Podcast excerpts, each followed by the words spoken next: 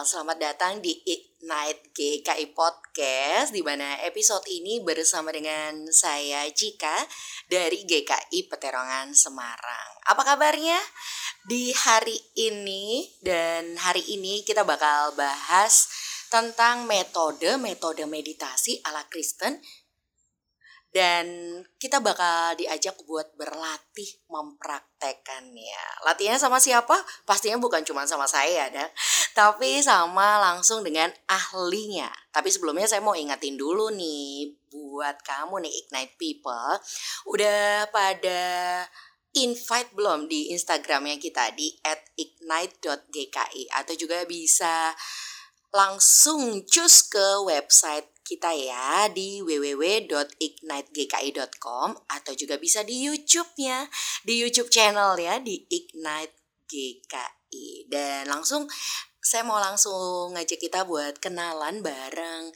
guest star kita, bareng ahlinya. Ada Pendeta Daniel Kagunawan dan langsung jangan dibayangin kalau bakalannya nih wah karena temanya agak berat di hari ini ini udah bakal udah tua banget kemudian serem enggak ini so youthful dan pengen tahu kayak gimana langsung aja cus kita kenalan sama pendeta Daniel Kagunawan dari GKI Coyudan Solo oke okay. hai hai hai halo halo halo waduh Oh, tuh kan. dibilang ini masih dibilang kayak, ahli kok rasanya atlet gimana basket ya? SMA. Waduh, Hah? waduh, waduh. Tadi dibilang ahli kok rasanya gimana ya? Enggak lah. ya habis gimana saya kan jemaat jelata gitu ya, kayak Halo, halo semuanya. Gitu. Ignite People, Ignite Cika. People kita mau Mm, mm, mm. Apa kabar apa semua? kabarnya nih? Baik, baik. Sehat-sehat ya. Iya, luar biasa pastinya. Lagi sibuk apa nih? Kakak, kakak apa kok? Apa apaan? Habis bingung nih kalau pas dapat narasumbernya tuh pendeta. Jadi merasa kotor aku tuh. Waduh, waduh. Rasanya kok begitu amat ya. Kayak Kak Cika perlu Iya. mi- mindfulness nih untuk merasa Oh, layak. iya oh, ini. Makanya kenapa aku dipilih karena aku merasa aku tidak layak. Sibuknya apa ya? Ya biasalah kesibukan pendeta jemaat. Eh, ya paling khotbah, nyiapin renungan, materi, podcast. Ini jujur saya agak-agak deg-degan loh nih podcast Kenapa? Ignat IKI. Temanya berat banget ya, mindfulness. Iya sama, aku pas dikasih langsung aku ya tadi merasa apalah aku ini. Padahal, padahal aku juga juga baru baru banget nih belajar soal mindfulness gini-gini. Jadi kalau dibilang ahli ya enggak lah, kita masih sama-sama belajar lah Kak Cika. Bener banget. Nah, bulan ini kebetulan nih Ah. Ignite lagi ngebahas tentang mindfulness, nih Mindfulness, kak. oke oke oke. Artinya kan tuh kesadaran penuh dan karena kita udah belajar sebelum-sebelumnya, episode kali ini memang lebih ke penerapannya. Hmm, Dan sih. tapi kalau kalau sebelumnya aku mau sedikit nanya-nanya dulu boleh ya? Boleh boleh. Ya. Nah, impact apa sih yang paling mendasar kalau kita benar-benar bisa mempraktekkan mindfulness ini nih Kak? Oh. Secara ya, kita tahu kan ini pandemi itu bikin kita emptiness rasanya gitu kan. Iya iya iya. iya. Ataupun ada juga uh, kan, ini benar-benar tema yang kalau dibilang ini lagi benar-benar menggelitik sekaligus juga kena banget sebetulnya sama kondisi kita kondisi yang lagi kita alami saat ini nih. Iya, iya. Ya, jadi memang eh, kalau kita amati ini tema mindfulness emang lagi hits banget ya Kak Cika ya akhir-akhir ini ya. Karena ya di tengah-tengah situasi pandemi di mana orang eh, semua lebih banyak di rumah begitu ya. betul. Dan pasti udah bosan sama rumah dan segala macam kerja di rumah, tinggal di rumah gitu ya. Mau keluar pun juga hanya terbatas dan segala macam. Nah, jadi mindfulness ini sebenarnya sih eh, sebuah praktek untuk mengajak kita itu kembali eh, sadar gitu. Sadar akan kehidupan kita. Nah, eh, sadar gak sih bahwa kita ini tanpa sadar ini udah terjebak pada yang namanya rutinitas hidup. Ini Hmm. ini bicara buat semua orang ya, bukan bicara bagi orang-orang yang sibuk saja gitu. Orang kaum rebahan pun gitu ya, pun juga bisa nggak sadar loh kalau mereka eh, terjebak dalam rutinitas kerebahan mereka gitu. Karena kan mikir ah mindfulness itu dibutuhkan buat orang-orang kerja lah, pikir gitu kan. Enggak juga. Ketika Iya. saya mikir baik-baik, kaum rebahan pun juga bisa terjebak loh dalam dalam rutinitas. Misalkan nih kita bicara soal kerjaan pasti biasa lah ya bangun pagi, kemudian uh, mungkin ada target, kerja deadline, harus meeting ini itu, menyiapkan segala macam gitu kan, lalu kemudian istirahat, uh, makan siang, yang biasanya order online, biasanya kemudian balik kerja lagi, meeting lagi, ngopi, kemudian istirahat, istirahat pun juga biasanya paling juga nontonin serial, tidur, itu kan sesuatu hal yang rutinitas gitu kan. Kemudian juga sama juga dengan dengan dengan misalkan kuliahan, eh, kuliah online atau barangkali yang lagi eh, cuti misalkan, itu pun juga sama gitu ya. Hmm. Pernah nggak ketika ngerasain ketika lagi hectic sama kerjaan, terus kemudian kita pilih cuti misalkan ya, oke deh, gue mau cuti nih untuk lepasin kerjaan gue. Tapi ketika cuti, kita ngerasain apa? Sibuk gak? Sibuk juga kan? Iya Tapi sih. dengan agenda berbeda, sibuk jalan-jalan, sibuk ngeburu oleh-oleh. Nah, itu yang itu yang kemudian eh, membuat kita menjadi kok kita kok kayak nggak jelas begini ya. Nah, mindfulness sebetulnya itu mengajak kita untuk kemudian kembali untuk sadar, fully Hmm. present. Jadi ini adalah basic human ability kita gitu ya. Ini ini sebuah sebuah kemampuan dasar kita sebetulnya yang selama ini udah mulai terabaikan. Jadi ketika ada praktek mindfulness ini atau ada muncul sebuah kesadaran, oke kita masih kembali nih ke mindfulness ini. Masa pandemi ini saya saya masih ingat ketika awal pandemi banyak sekali khotbah-khotbah atau banyak sekali uh, webinar yang yang mengajak gereja untuk berpikir untuk berefleksi apa maksud dari pandemi ini. Dan ada satu topik yang saya suka gitu ya, saya pernah ikut webinarnya mengatakan bahwa di masa pandemi ini kita justru diajak untuk mindfulness gitu ya. Untuk kembali sadar soal kehadiran kita saat ini. Sadar akan apa yang kita alami saat ini, sadar akan apa emosi kita, apa yang kita rasakan, apa yang kita pikirkan gitu ya. Jadi betul-betul kembali pada kesadaran kita. Nah, kembali ke tadi eh, di awal pertanyaan ketika Kak Cika bilang, lalu impact apa nih yang paling sadar? Nah, ketika kita kembali membangun awareness kita gitu ya, sadar akan fully present, kehadiran penuh kita, apa yang kita rasakan, kita alami, itu kayak membuat kita menjadi sadar akan sesuatu yang selama ini nggak kita sadari. Misalkan apa? Tujuan hidup.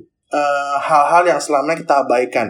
Di, di banyak orang pasti akan beda-beda ya impact-nya ya. Ada yang kemudian sadar, oh iya selama ini gue kerja ngapain ya? Esensinya apa yang gue kerja ya?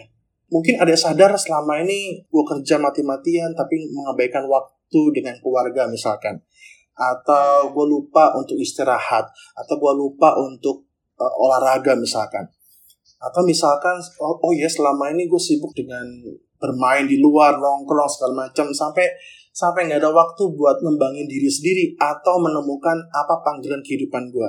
Jadi jadi ada banyak banget impactnya di tiap pribadi. Ketika mindfulness ini uh, terbuka atau atau ketika kita betul-betul mindfulness dalam dalam keadaan diri kita itu, Kak Cika. Jadi mindfulness buat banyak eh, buat Hmm. tiap-tiap orang tuh kan pasti beda-beda ya Ya, gitu. Kalau tadi sedikit nyimpulin dari punya eh, keadaan kan it means dari apa yang tadinya kita nggak sadar tiba-tiba kok dari biasanya kalau aku sih ngerasanya wah udah Senin lagi terus Hmm. aku ngapain aja sebetulnya tuh setidaknya itu kan menggambarkan bahwa selama ini kita mungkin passing through the week itu Hmm. ya tanpa kita sadari terjebak dalam rutinitas ataupun tadi ya udah nggak nganggep bahwa yang kita kerjakan se- sebetulnya harusnya meaningful ya betul betul. gitu betul.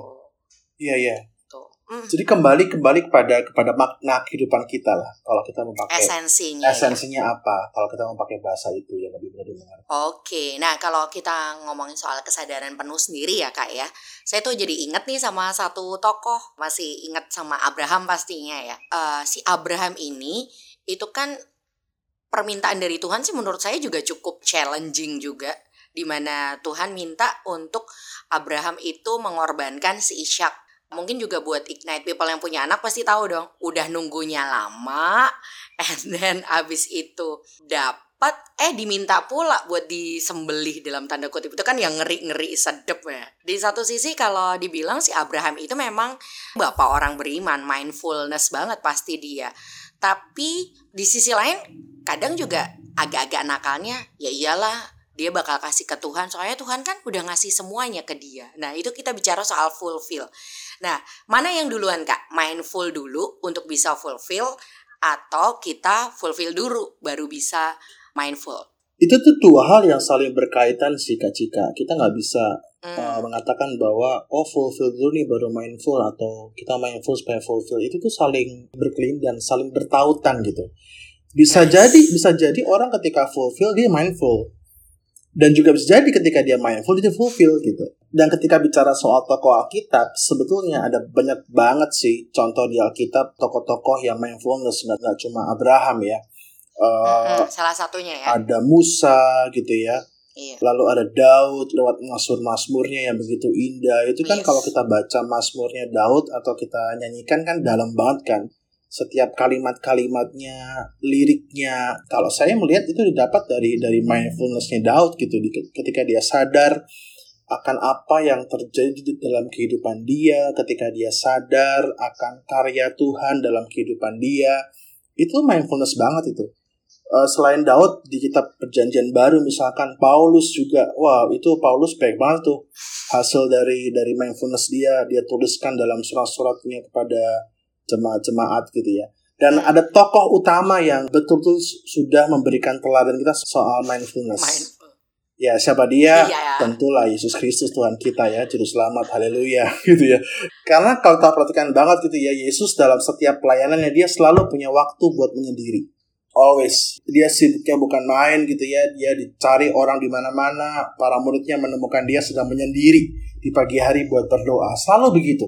Sebelum Yesus masuk dalam masa-masa jalan salib ya. Ini kan lagi tepat banget lagi masa prapaskah nih. Uh, Yesus berdoa di Getsemani. Itu sebuah sebuah satu sebuah praktek mindfulness sebetulnya. Jadi ada ada satu kesadaran, ada satu momen, ada satu timing gitu ya yang yang betul-betul dipersiapkan untuk membangun mindfulness itu. Dan kalau kita mau kaitkan dengan, dengan, dengan praktik Kristen kita, Salah satunya kita diajak untuk mindfulness dalam doa. Ketika bicara soal doa ya, kadang-kadang kita mendangkalkan arti doa. Ah, doa cuma uh, kita ngomong ke Tuhan gitu ya. Ah, doa uh, hanyalah sebuah keharusan gitu sebelum makan, sebelum tidur. Padahal tuh doa tuh nggak cuma itu. Doa itu nggak nggak harus dipenuhi dengan kata-kata kita. Doa itu juga bisa terjadi dalam dalam keheningan kita dalam diam kita. Doa itu adalah sebuah momen mindfulness kita, momen kita sadar untuk berjumpa dan intim dengan Tuhan kita. Gampangnya tuh gini Kak Cika, uh, doa itu sebuah momen ketika kita itu ngedate sama Tuhan atau punya waktu yang berkualitas sama Tuhan. Betul banget. Misalkan nih, kita ketemu sama orang yang kita kasih, entah pacar, entah mungkin sahabat gitu ya. Tidak selalu ngobrol kan. Ada kalanya kita diem bersama kan. Mungkin cuma ya cuma minum kopi bersama, diem-dieman aja udah gitu. Itu momen yang bersama yang intim gitu loh. Jadi nggak selalu uh, harus dipenuhi dengan kata-kata kita atau kita minta apa, nggak selalu begitu ketika bicara soal mindful dan fulfill gitu ya itu nggak bisa nggak bisa dibilang bahwa oke okay, harus fulfill mindful nggak saling berkaitan. Ketika kita mindful, pasti kita fulfill, gitu. Ketika kita fulfill, ya pasti ada satu mindful di situ. Aku jadi inget nih ada dulu pernah ikut lembaga waktu zaman masih kuliah gitu kan. Ada istilah AWG Alone with God. Hmm. Bener gak sih itu juga salah satu cara untuk bisa mindfulness gitu kan? Iya iya iya ada tuh. Mm -mm. Momen saat teduh Nah, saat teduh iya, kita sate. dulu ketika ketika remaja kan kita mundur dari sekolah minggu deh. Doa kan iya di patangan, tutup mata gitu kan. Memang itu adalah salah satu cara. Kenapa di sekolah minggu kita diajar seperti itu? Karena itu cara kita untuk berfokus dan konsentrasi. konsentrasi. Uh, padahal doa itu ada begitu banyak cara dan tradisi sekarang berkembang begitu banyak ada doa melalui nyanyian TC. Jadi TC itu tuh bukan dibuat gelap lalu pakai lilin-lilin, pakai dekorasi, gambar-gambar salib, terus kemudian nyanyiannya enak. Enggak. Nyanyian itu adalah doa kita sebetulnya. Dan ada keheningan di TC. Kehening itu juga bagian doa kita. Lalu ada doa melalui lukisan, ada doa melalui tarian, ada doa melalui uh, Zentangle. Zentangle itu kayak pola-pola gitu ya. Itu pun juga juga juga cara berdoa gitu. Jadi doa itu nggak melulu hanya lipat tangan, tutup mata dan dan selesai enggak. Tapi ada begitu tradisi yang yang berkembang. Bahkan tradisi kuno pun juga nggak kalah menarik. Seperti misalkan pernah nggak tahu nggak Kak Cika tentang doa labirin? Doa labirin pernah, pernah. Pernah tahu ya? Di gereja aku kelihatannya pernah juga deh. Pernah ngerasain nggak doa labirin?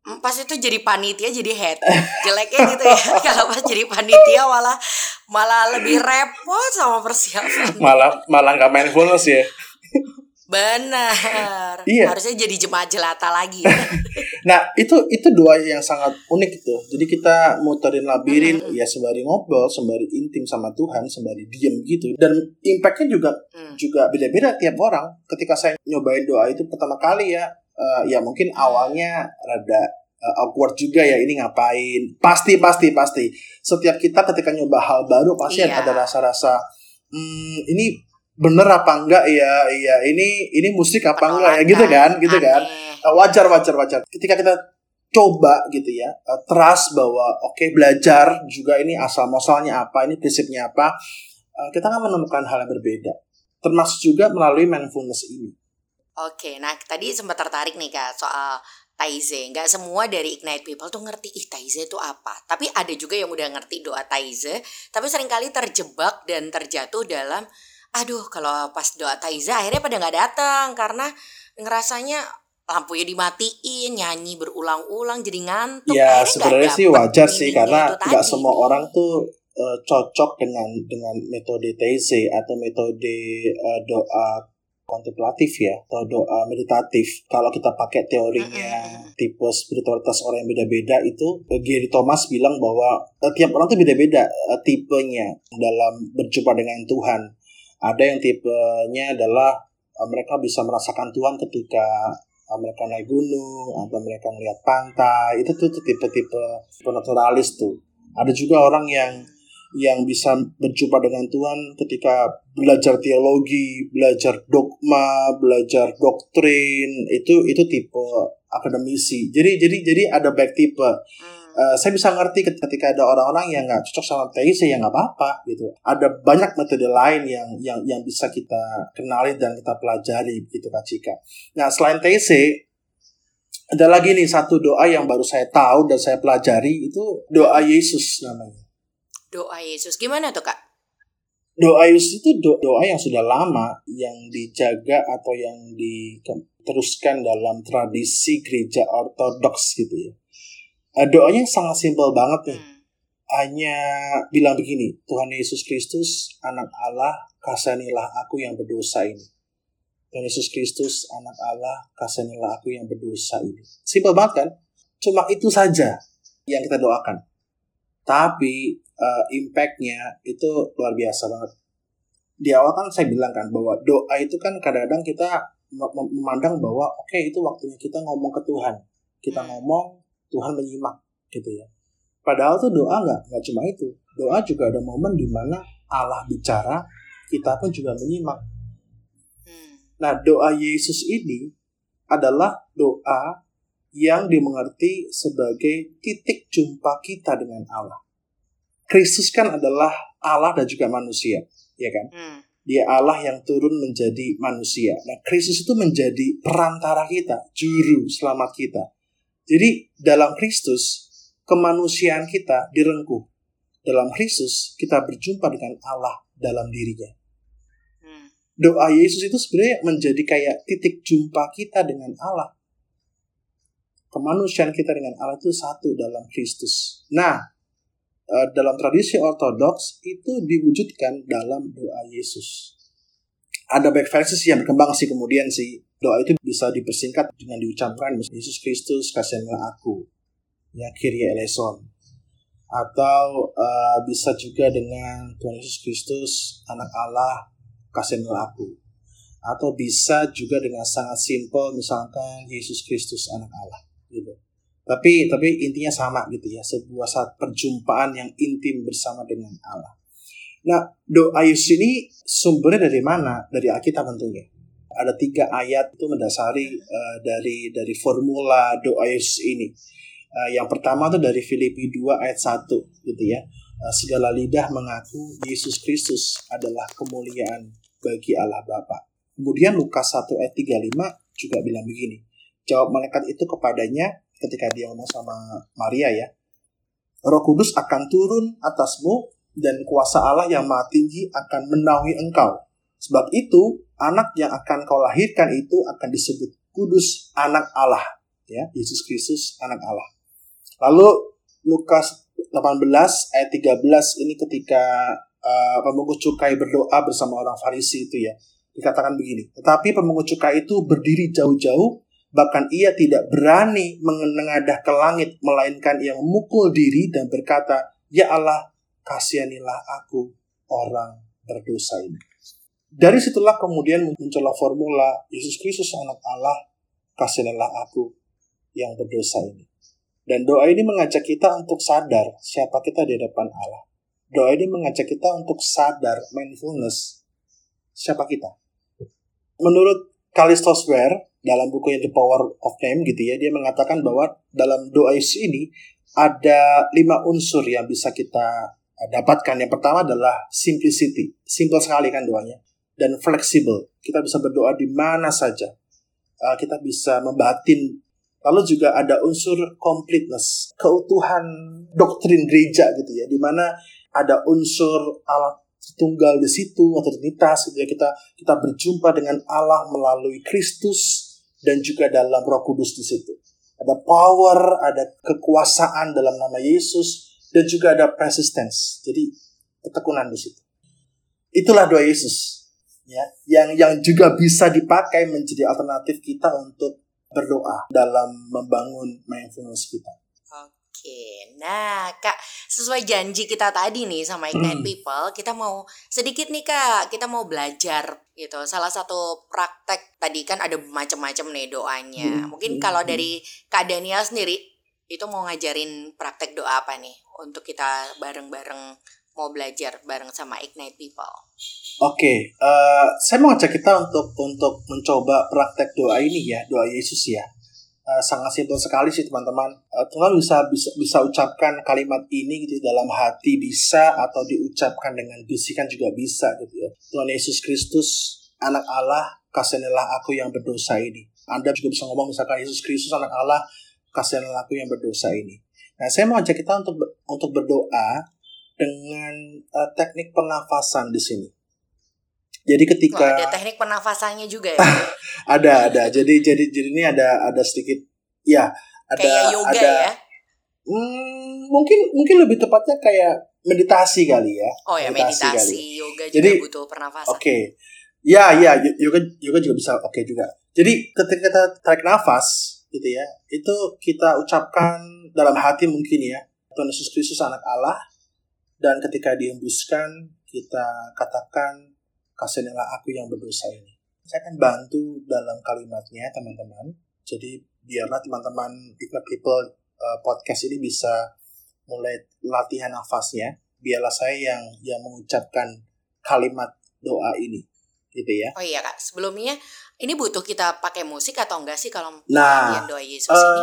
Sebetulnya doa ini dikan dengan keheningan sih. Nah, kita harus belajar hening teman-teman.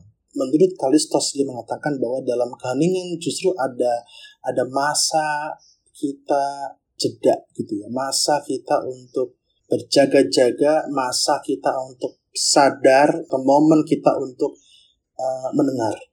Keheningan itu bukan kosong tapi sebuah mindfulness gitu ya sebuah kesadaran jadi jangan berarti ketika ketika kita diem gitu ya nanti wah nanti kerasukan atau nanti nanti bahaya nggak nih? Enggak, justru sadar, kita sadar dan harus sadar gitu ya kak ya. Jadi bukan berarti kosong, melompong, kemudian nanti masuk kemasukan arwah apa enggak. justru harus sadar kita sadar kita sedang sedang menghadap Tuhan kita sadar sedang uh, membuka diri di depan Tuhan gitu ya okay. menyimak apa yang Tuhan bicara sama mungkin kita. kadang perlu ya buat kita nggak terdistraksi gitu ya Ya, ya. Di awal-awal, kalaupun misalkan kita mikirnya udah mulai ke mana-mana, itu wajar lah, wajar lah. Tapi marilah kita belajar untuk coba uh, fokus gitu ya fokus. ya kepada dosis ini. Oke, okay, teman-teman, teman bisa bisa bisa bisa siap bagi yang dengerin podcast di mobil mungkin jangan dulu ikut ya nanti bisa bisa di ya, nabrak iya iya iya. Di mobil oke. Okay. lalu kemudian di rumah bisa cari tempat yang nyaman teman-teman mungkin bisa kamar di kamar bisa ya? di kamar bisa di ruang tamu juga bisa terserah di mana pun yang nyaman gitu ya. Kita akan coba sama-sama uh, tarik nafas. Hembuskan ingat setiap tarik nafas kita katakan Tuhan Yesus anak Allah selalu dihembuskan kasihanlah kami yang berdosa ini. Oke, kita berdoa sama-sama. Tuhan Yesus Kristus anak Allah hembuskan kasihanlah kami yang berdosa ini. Tuhan Yesus Kristus anak Allah kasihanlah kami yang berdosa ini. Tuhan Yesus Kristus anak kasihlah aku yang berdosa. Yesus Kristus anak Allah. Kasihlah aku yang berdosa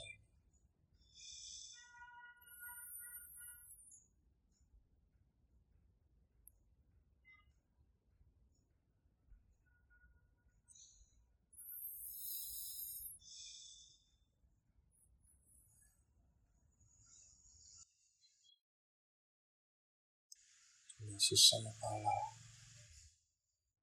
Kasihlah aku yang berdosa ini. Dan Yesus, kasihlah aku yang berdosa ini. Tuhan Yesus, anak Allah. Kasihlah aku yang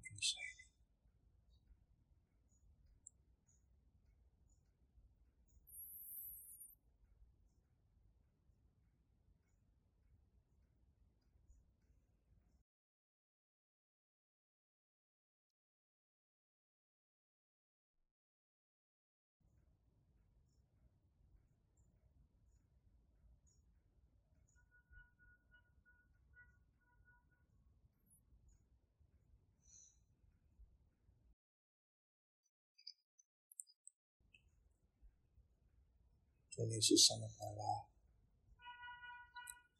Kasihlah aku yang berdosa ini. Tuhan Yesus anak Allah. Kasihlah aku yang berdosa ini. Amin.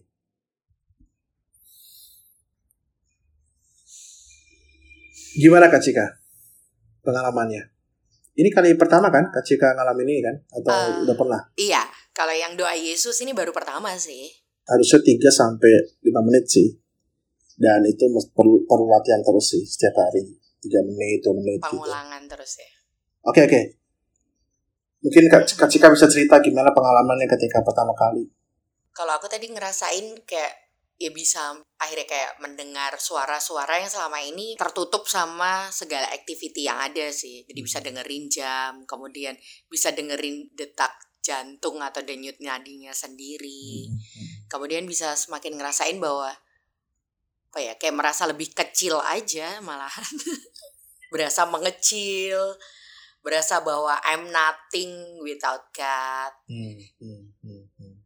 Lebih ke sisi-sisi itu karena masih sebentar kali ya kayak iya, iya. belum sampai yang berderai-derai nantinya.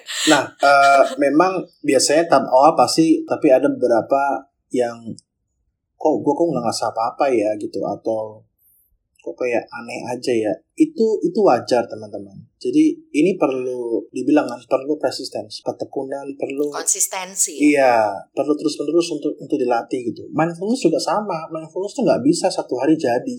Hmm. jangan dipikir bahwa ketika dengerin podcast ikat langsung jadi mindfulness people gitu atau no. Atau jadi jadi hostnya ya langsung mindfulness. No nggak gitu nggak gitu. Itu ini ini adalah proses yang terus menerus Uh, makanya kan dibilang bahwa ketika kita mencoba sadar atau kita mempraktikkan mindfulness every day, kita akan grow up gitu ya. Dan pertumbuhan kan bukan satu jam selesai kan, pertumbuhan kan perlu waktu yang panjang gitu. Ya percayalah bahwa ini akan mengubah kita, teman-teman. Uh, mengubah cara berpikir kita, uh, mengubah kita buat menghadapi situasi yang menekan gitu ya uh, kita kan akan pelan-pelan kayak dibukakan itu sadar bahwa siapa kita? Betapa kita itu sering kali uh, mengabaikan Tuhan kehadiran Tuhan dalam dalam keseharian kita. Gitu kan? Seperti yang Kak Cika bilang tadi kan hmm, jadi jadi ngerasa kecil gitu. Uh, I'm nothing without God. Benar benar benar banget. Jadi aku mencatat nih kak salah satu syarat juga yang harus dimiliki supaya kita bisa mindful merasakan mindfulness itu lebih ke self awareness dulu ya hmm. harus sadar diri dulu gitu hmm. jadi nggak mungkin tanpa kesadaran diri ya kita nggak akan bisa menemukan siapa diri kita kemudian bisa uh, akhirnya kayak tadi dibilang sama Kak Diana merefleksikan apa yang terjadi pada kehidupan kita pada saat ini ya yeah, yeah. gitu Mm-mm. Karena ini penting banget saat ini di tengah kondisi atau di pandemi, termasuk aku sendiri kadang kan, itu ngerasa kayak ini apa maksudnya? Kadang kan sering ya, as a human kita selalu nanya, Tuhan ini maksudnya apa? Kenapa begini? Kenapa begitu? Gitu kan? Nah, penting untuk akhirnya ya tadi sendiri, hening, uh, tadi alone with God dan kalau dulu aku pernah diajarin tuh bahasanya adalah dengar-dengaran dengan Tuhan. Mendengarkan Bener Tuhan sih? dengan Iya betul banget. Mm -hmm. betul Jadi denger-dengeran, gak cuman selama ini kalau doa Tuhan dengerin kita, tapi dengar-dengaran. Iya, iya, iya. Dan mindfulness ini bisa juga kita lakukan dalam keseharian kita, dalam dalam ritual sehari kita gitu ya. Misalkan uh, saya masih ingat tuh ketika saya diajak untuk latihan mindfulness melalui makan makan. makan kan Wah. makan kan sebuah hal itu nggak lapernes dulu makan kan sebuah hal yang hal yang yang setiap hari ada gitu kan Betul. tapi berapa berapa kali kita makan dengan sebuah kesadaran bahwa nasi ini dari mana asalnya atau kita bisa makan dari dari mana asalnya hmm. uh, jadi saya pernah punya pengalaman nih waktu itu ikut retreat gitu ya di di, di Jogja kemudian panitianya bilang mm -hmm kali ini kita makan dengan cara hening ya, tidak boleh ngobrol. Jadi mulai doa makan sampai ngambil makanannya, sampai makan hingga habis tuh nggak boleh ngobrol gitu. Tapi hmm. kita diajak untuk hening dan kita diajak untuk merefleksikan tentang makanan kita. Uh, dari mana nasi ini berasal? Oh nasi ini dimasak oleh koki dapur. Koki itu dari mana talentanya? Oh dari Tuhan lalu beras itu dari mana? Dari dari petani yang memanen gitu ya. Lalu dari mana asal asal padi itu? Dari tanah dari ladang dari mana? Dari Tuhan. Jadi kayak sadar bahwa oh iya ya bahwa kita bisa makan tuh sebuah anugerah loh sebuah proses yang panjang. proses yang panjang gitu. Dan kadang-kadang kadang ketika kita nggak mindfulness kan asal yaudah makan aja gitu nggak suka buang gitu kan. Padahal oh padahal banyak orang kelaparan nggak bisa makan kita mungkin diberikan diberikan kesempatan untuk bisa memilih makanan. Kita kadang-kadang kata ibu saya sih bertingkah. Tau gak bertingkah? Bertingkah tuh iya, bertingkah banyak. tuh kayak ah ah masa cuma cuma tempe doang sih? Gitu kan ya. Ah masa banyak cuma maunya, iya, iya, iya ribet. Banyak permintaan. Nggak mensyukuri nggak mensyukuri yang ada. Gak. jadi dalam dalam makan pun juga bisa mindfulness. Dalam tidur pun juga mindfulness By the way, saya kemarin ngeliatin ada satu postingan dari kalau nggak salah ya, ya Lus Edward Suhandi apa ya. Dia bilang bahwa tidur itu sebuah sebuah privilege loh buat kita. Uh, kadang-kadang kita menyepelekan tidur kan. Uh, kita ngabisin jam malam kita dengan mungkin nonton serial gitu ya atau kita main gadget atau kita main main games gitu ya pokoknya gue udah kerja udah kuliah gue mau mau happy happy malam-malam. Kita lupa bahwa tidur pun juga sebuah hal yang penting gitu. Banyak orang sakit di tua ketika tidurnya tidak berkualitas. Banyak orang stres ketika kerja gitu ya eh, nggak uh, bisa berpikir dengan baik imunnya turun karena apa? Tidur. Nah, tidur itu juga bisa menjadi mindfulness kita. Ketika mensyukuri di malam hari gitu ya kita jauhkan HP gadget kita merem aja udah dalam dalam gelap gitu ya. Dalam lampu tidur kita merem aja. Kita coba deh mensyukuri oh hari ini saya bisa bekerja bisa sekolah bisa makan karena Tuhan yang memelihara dan saya bisa tidur dalam penjagaan dan juga penyertaan Tuhan. Hingga pagi bisa bangun. Wah itu itu indah banget tuh kalau kita bisa melatih itu setiap hari teman-teman. Oke, nah kak kalau aku sedikit mencatat kan dari tadi pemaparannya kak Daniel, kalau ternyata mindfulness itu memang benar-benar membuat kita punya perspektif yang baru ya dari hal-hal yang selama ini rutin dan biasa kita lakukan atau kita lihat dan yang pasti mindfulness sendiri bikin kita jadi lebih grateful. Iya, iya. Efeknya bisa banyak tadi ya. Gratefulness, bisa awareness mm -hmm. gitu. Iya. Yang pasti ya melihat segala sesuatu dari tidak hanya dari satu perspektif aja tapi dari perenungan-perenungan tuh bikin kita punya oh kenapa harus seperti ini, kenapa begini gitu dan juga malah justru bikin kita sebetulnya lebih dalam tanda kutip lebih kaya ya kak oh, ya. iya. Ya. iya, punya kekayaan berpikir lah sebetulnya.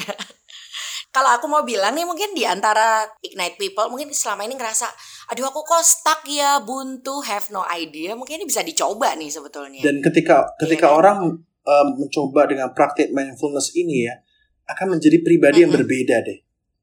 Seriusan, oh. coba aja teman-teman target ya misalkan oke okay, saya saya mencoba praktek mindfulness selama tiga minggu misalkan atau atau seminggu.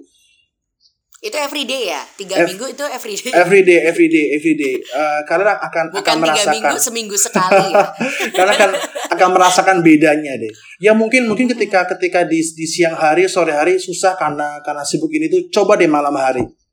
Hmm. dan saya percaya setiap setiap malam kita pasti punya waktu kan? Untuk sendirian untuk coba deh tahan untuk uh, off kan notifikasi HP gadget kalian itu eh, nggak uh, usah tiktokan dulu nggak usah instagraman dulu akan rasa bedanya deh betulan Oke deh, nah kelihatannya udah Ignite People tertarik kan buat nyoba. Nah mungkin ada pertanyaan juga nih kak, biasa lah yang namanya uh, manusia selalu minta garansi. Berapa lama sih kak sebetulnya efektif gitu kak? Ya sebelum nyoba tuh biasanya eh, berapa lama kan kayak resep gitu ya. itu mungkin durasinya mungkin, sendiri per, itu berapa lama? Iya, durasi, Kemudian durasi. secara frekuensi sehari atau kalau tadi tiga minggu it means harus everyday berarti kurang lebih 20 20 kali ya baru bisa merasakan manfaatnya. Even kalau aku aku baca sendiri untuk bisa melahirkan kebiasaan baru kita butuh 21 hari tanpa putus, tanpa jeda. Iya benar gak sih? Apakah juga berlaku hal seperti itu? berlaku. Tiap orang tuh beda-beda hmm. prosesnya, Kak Cika. Tapi sekali lagi itu diperlu, diperlukan uh, komitmen ya hmm. dan ketekunan. Ya, mungkin ada kalanya kita jenuh, ada kalanya mungkin skip malam ini skip karena harus begadang ngurusin uh, kerjaan. Deadline. It's okay gitu. Deadline's okay. Tapi sebelum tidur kan bisa dong satu menit, dua menit. Coba lagi untuk tenang, hening gitu ya. Uh, dalam doa dan mengingat hari ini Tuhan kasih berkat apa ya, apa yang kusyukuri ya hari ini, itu juga bisa jadi proses kita mindfulness sih. Oke. Okay. Kalau soal, soal durasi, durasi, ya kalau seandainya Anda bisa tiga menit, oke okay juga. Atau mau lima menit, juga oke okay juga. gitu. Sejam oke okay banget gitu ya. Itu balik Tapi lagi ya jangan, ya setiap jangan, orang ya ya cuma jangan sampai aja uh, semalaman suntuk gitu ya itu nah, itu ya boleh juga sih kalau anda mau tapi uh, rasanya juga jangan sampai lupa tidur gitu ya atau bisa juga bikin jurnal ya uh, nulis gitu ya misalkan oke okay, uh, uh, day one apa yang kurasakan ketika mencoba ini? Coba tulis cerita ya diary kita di mana gitu. Itu bagus loh supaya kita bisa bisa evaluasi. Oh iya ya ini yang kurasakan ini yang kurasakan ini yang kurasakan jadi bisa bisa buat uh, lihat step-stepnya yang udah pernah kita lewatin juga ya? Iya betul banget. Mm -mm. dan juga bisa sharing nantinya soalnya kan udah pernah ada catatan sebelumnya ya.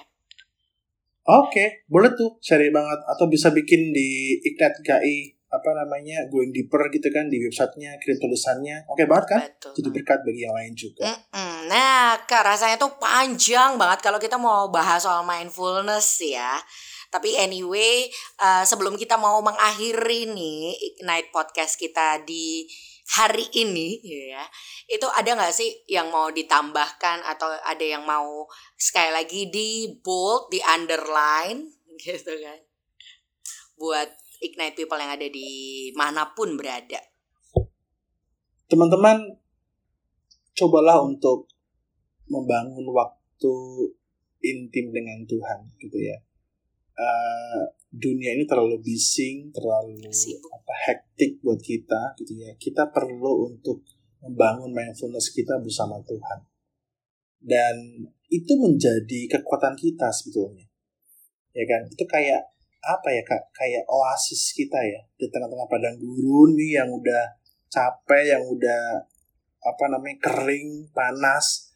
Kita menemukan oasis gitu oase kayak seger lagi deh ketika sama Tuhan. Jadilah rusa yang haus akan sungai Tuhan.